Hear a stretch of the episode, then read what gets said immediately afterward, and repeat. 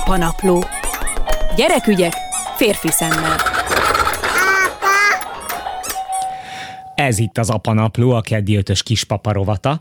Az elmúlt pár hétben, egy-két hónapban, lehet, hogy ez előtte is megtörtént, csak egy fél éves kislány miatt most lettem érzékeny a dologra, azt vettem észre, hogy rendszeresen 6-7-8 éves kislányok így rám mosolyognak az utcán, vagy rám integetnek. Azt hiszem mindannyian láttunk már ilyet, odaszólnak, hogy szia, te ki vagy, vagy hova mész, és hát azt vettem észre magamon, hogy nem merek visszamosolyogni, visszaintegetni, vagy visszaválaszolni ezeknek a kislányoknak, mert az az érzésem, hogy azonnal pedofilnak fognak gondolni. Sőt, meg is történt velem, hogy egy kislány rám integetett, így elment mellettem a körúton, rám integetett, hogy szia, te ki vagy, mire az anyukája odarántotta magához, hogy mit ismerkedsz idegen férfiakkal. És akkor még inkább megérlelődött bennem a dolog, hogy Isten őriz, hogy még azt rámugorjon egy anyuka, hogy én ki akarok kezdeni a kislányával, inkább akkor nem mosolygok vissza a rám kedvesen mosolygó kislányra, aki ezt lehet, hogy majd furcsálni fogja, de nem keverem magam gyanúba. És persze azon is elkezdtem töprengeni, hogy vajon ez para csak az édesanyák részéről fölösleges para, vagy lehet, hogy jól csinálja az az édesanyja, hogy a 6-7 éves kislányának már megtanítja, hogy nem ismerkedünk idegen férfiakkal az utcán, mert így aztán majd megóvja őt attól, hogy 13-14-15 éves korában bármiféle gondja akadjon, vagy nehéz helyzetbe kerüljön. Ezzel kapcsolatban, ezzel a témával kapcsolatban kérdezném a következő 10 percben Slankó Violáta, UNICEF Magyarország gyerekjogi tanácsadóját. Jó napot kívánok! Jó napot kívánok, szia, és üdvözlöm a kedves hallgatókat. Ja, köszönöm szépen, ha tegeződhetünk úgy egy kicsit könnyebb. Szóval mit gondolsz te az én érzéseimről, meg tapasztalataimról?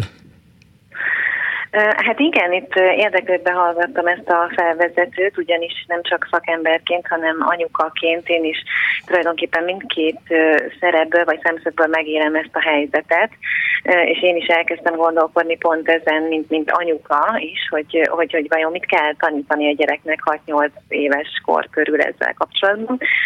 Valóban ez, ez szerintem tapasztaljuk, hogy a gyerekekben van ez a közvetlenség, ártatlanság, naivitás, odafordulás a világ felé, nagyon szeretnének megismerkedni mindennel és mindenkivel, ez így van jól szerintem, hiszen ez a világ megismerésének most, most a módja az ő esetükben. Ezzel párhuzamosan meg a szülőkben megjelenik nyilván egy félelem, hogy, hogy, hát, hogy meddig lehet hagyni a gyereket barátkozni.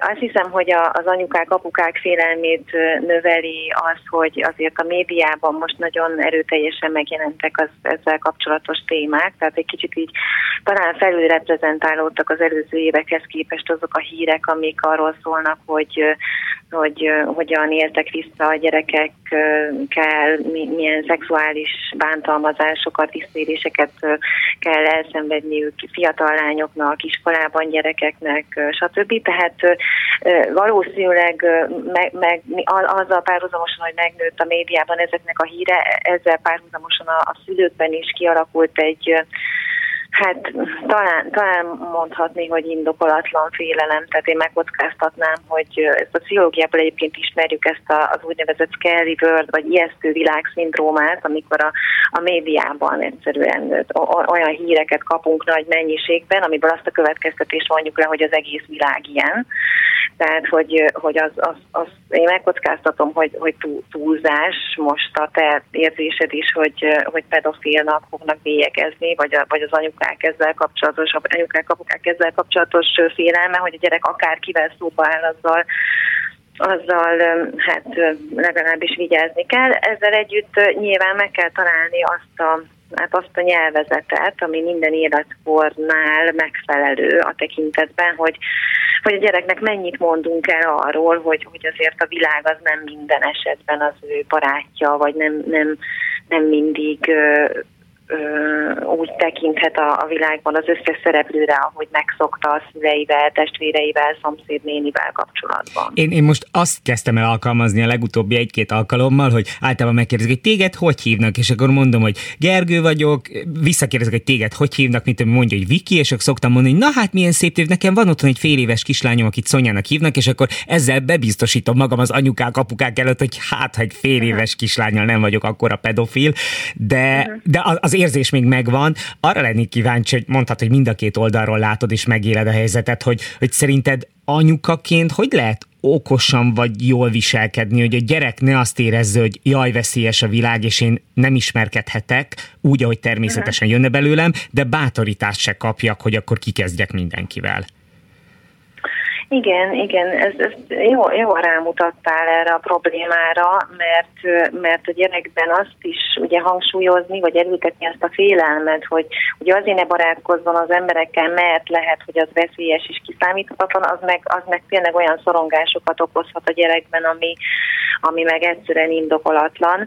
Hát szerintem, szerintem az, az a kulcsa ennek a dolognak, hogy ugye azért a gyerek az nagyjából úgy él, vagy úgy viselkedik, ahogy, ahogy, ahogy mi is viselkedünk. Tehát, hogy egy, egy természetes és közvetlen kommunikáció a játszótéren, vagy a boltos néninél, vagy a, a közvetlen környezetünkből éljük az életünket, az, az szerintem azzal nincs probléma. Tehát ahogy mi is viselkedünk, és, és mi azokkal vagyunk közvetlenek, és, és azokkal csevegünk fesztelenül, ahol biztonságban érezzük magunkat, azt, azt a gyerek is megtanulhatja, és, és és, mintát vehet róla. Egyébként most hogy, ez, teljesen... most, hogy ezt mondod, az jutott eszembe, hogy akkor az például jó példamutatás ha, ha a gyerek megszólít engem, és mint szülő bekapcsolódom ebbe a beszélgetésbe. Tehát nem arról van szó, hogy egy gyerekem ismerkedik egy férfival, hanem akkor mi hármasban elkezdünk beszélgetni.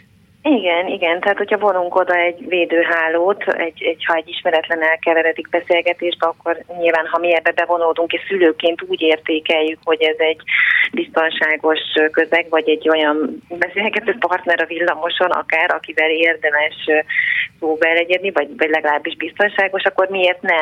Tehát, hogy szerintem azért az elidegenedésnek az útja lenne az a világtól való elidegenedés útja, ha, ha megtiltanánk, meg, meg magunkat is elfordítanánk a, a beszélgetésektől. Úgyhogy, úgyhogy szerintem ez, ez, ez jó, hogy, hogyha bekapcsolódunk, vagy bevonódunk az, abba a beszélgetésbe, amit a gyerek kezdeményez, akár a villamoson. Másrészt mondom ezt, hogy aki, akikkel mi természetesen beszélgetünk, akkor ő is meg megtanulja, hogy azokban a, azokban a kontextusokban lehet beszélgetni, és azért nyilván a maga nyelvén, tehát azért még egy 6-7-8 kis, kisiskolás gyereknek el lehet azért mondani, hogy, hogy, hogy azért óvatosnak kell lenni, tehát hogy nem mindig, nem mindig mindenkivel cseverészünk. De bocsánat, vagy, azért a, a, automatikusan ezt a gyerekek azért itt tíz év kor fölött meg kiszoknák nőni, nem? Igen, igen, pontosan szerintem a szocializáció által. Tehát ahogy látják, hogy mi, meg a felnőttek, meg azok a szereplők, akik nekik fontosak, hogyan viselkednek, pont azt a viselkedést megtanulják. Ez, a, ez az 6-7-8, 4-5-6-7-8 éves korosztály szerintem ez a nagyon édes, de kritikátlan viselkedésnek a, a nem tudom, a csúcsa, amikor mind, mind bármit, bárkivel, bár, nem, és akkor ráadásul még az, a, ez a test kép, vagy, vagy, vagy a testi dolgokhoz kapcsolódó szégyenérzet, vagy, vagy szégyenlősség, inkább mondjuk így, az se jelenik meg bennük, tehát, tehát valóban talán az a kritikus időszak, és akkor kell mondjuk a szülőnek jobban odafigyelni. Ma reggel elmeséltem a, ezt a történetet itt benne a szerkesztőségben, hogy mi lesz az apanapló rovatnak a témája, és akkor az egyik eh, női kolléga mondta, hogy vele is történt hasonló, lakótelepen lakik, ment haza, és egy kisfiú oda biciklizett, mert ilyen 5-6 éves lehetett, eh, és láthatóan megtetszett neki a női kollégának a kisfiúnak, de úgy lesütötte a szemét, és jött egy kanyar, kisfiú bicikli biciklim volt, megvárta a kisfiú, hogy az anyukája bekanyarodjon, és ő a kanyarból visszanézett, és dobott egy puszit a kolléganőnek. És akkor arról kezdtünk el beszélni, hogy, hogy de megvárja, míg az anyja befordul, tehát hogy, hogy már van egy titka az anyja előtt. Tehát lehet, hogy őt annyiszor uh-huh. eltiltották, hogy már tudja, hogy ezt nem szabad, de titokban csinálja, és akkor már is megszakad ez az őszinte gyerek anya kapcsolat, uh-huh. vagy lehet, hogy ez is, ezt is túldimenzionálom, nem tudom. Hát igen, szóval igen, tehát biztos egyes szülők vagy némely szülők nagyon aggódnak ezzel kapcsolatban, és akkor kialakítanak, mondom, egy ilyen, az a gyerek számára érthetetlen ö, keretrendszert, és ha tényleg ez történt, amit mondasz, hogy a gyerek eltitkolja és úgy dob puszit, akkor ez valószínűleg abból következik, hogy nem pontosan érti, hogy most akkor miért nem szabad ezt, meg neki ez természetesen jönne, hogy kokettál a világgal, és ha nincs valahogy ez, hogy rendesen elmagyarázva, vagy, vagy nincs az összhangban a szülő viselkedésével, akkor ebből jön az, hogy aztán a gyerek mondjuk nem vallja be, vagy eltitkolja, hogy mit igen, mi is ezen kezdtünk el gondolkodni, hogyha itt megszalad, megszakad esetleg egy ilyen őszinte kapcsolat, hogy nem lehet, hogy akkor később ezeknek a száma szaporodni fog, tehát ahelyett, hogy a szülő valahogy okosan jól bekapcsolódott volna, bevezette volna, beszélgetett volna vele, tiltott, tehát a gyerek elkezd tiltott dolgokat csinálni titokban. Igen, igen, igen, igen, igen. Hát ezt nem lehet elégszer elmondani, hogy, hogy valahogy a hitelesség, a szülő hitelesség, meg, meg, a, meg, meg az őszinteség, tehát hogy magammal, ma, úgy legyek őszinte a gyerekkel, hogy az hiteles is, tehát hogy a viselkedés, a saját viselkedésemmel összhangban van. Tehát szerintem ez a, ez a kulcsa a jó szülő-gyerek kapcsolatnak. Hát köszönöm szépen, hogy ezt megbeszélhetünk, mert nagyon tényleg feszített az elmúlt hetekben, hogy akkor most visszamosolyoghatok, mondhatok-e bármit, Jézusom, hogy viselkedjek, úgyhogy ne hívják ki rám azonnal a hatóságot, hogy pedofil van a négyes hatoson, majd így megpróbálom okosan. Szerintem, szerintem nyugodtan mosolyogj rá a gyerekekre, hogyha ők rád mosolyognak. Szerintem, ha nem, nem mosolygunk rájuk, meg elzárkózunk tőlük, akkor, akkor azt szerintem többet állunk. Na ez az, ezen gondolkodtam, hogy mit gondol szegény gyerek, hogy ő kedvesen ismerkedik, mosolyog, én meg ott állok mereven néma arccal, akkor mit fog gondolni a világról? Na, pontosan. Akkor azt fogja gondolni, hogy ez nem, nem, nem ez a hely, ami neki való, úgyhogy szerintem bátran mosolyogunk a gyerekekre. Az elmúlt 10 percben Slankó Violával, a UNICEF Magyarország gyerekjogi tanácsadójával beszélgettem. Köszönöm szépen neked. Köszönöm szépen. Sziasztok, viszont hallásra. Szia.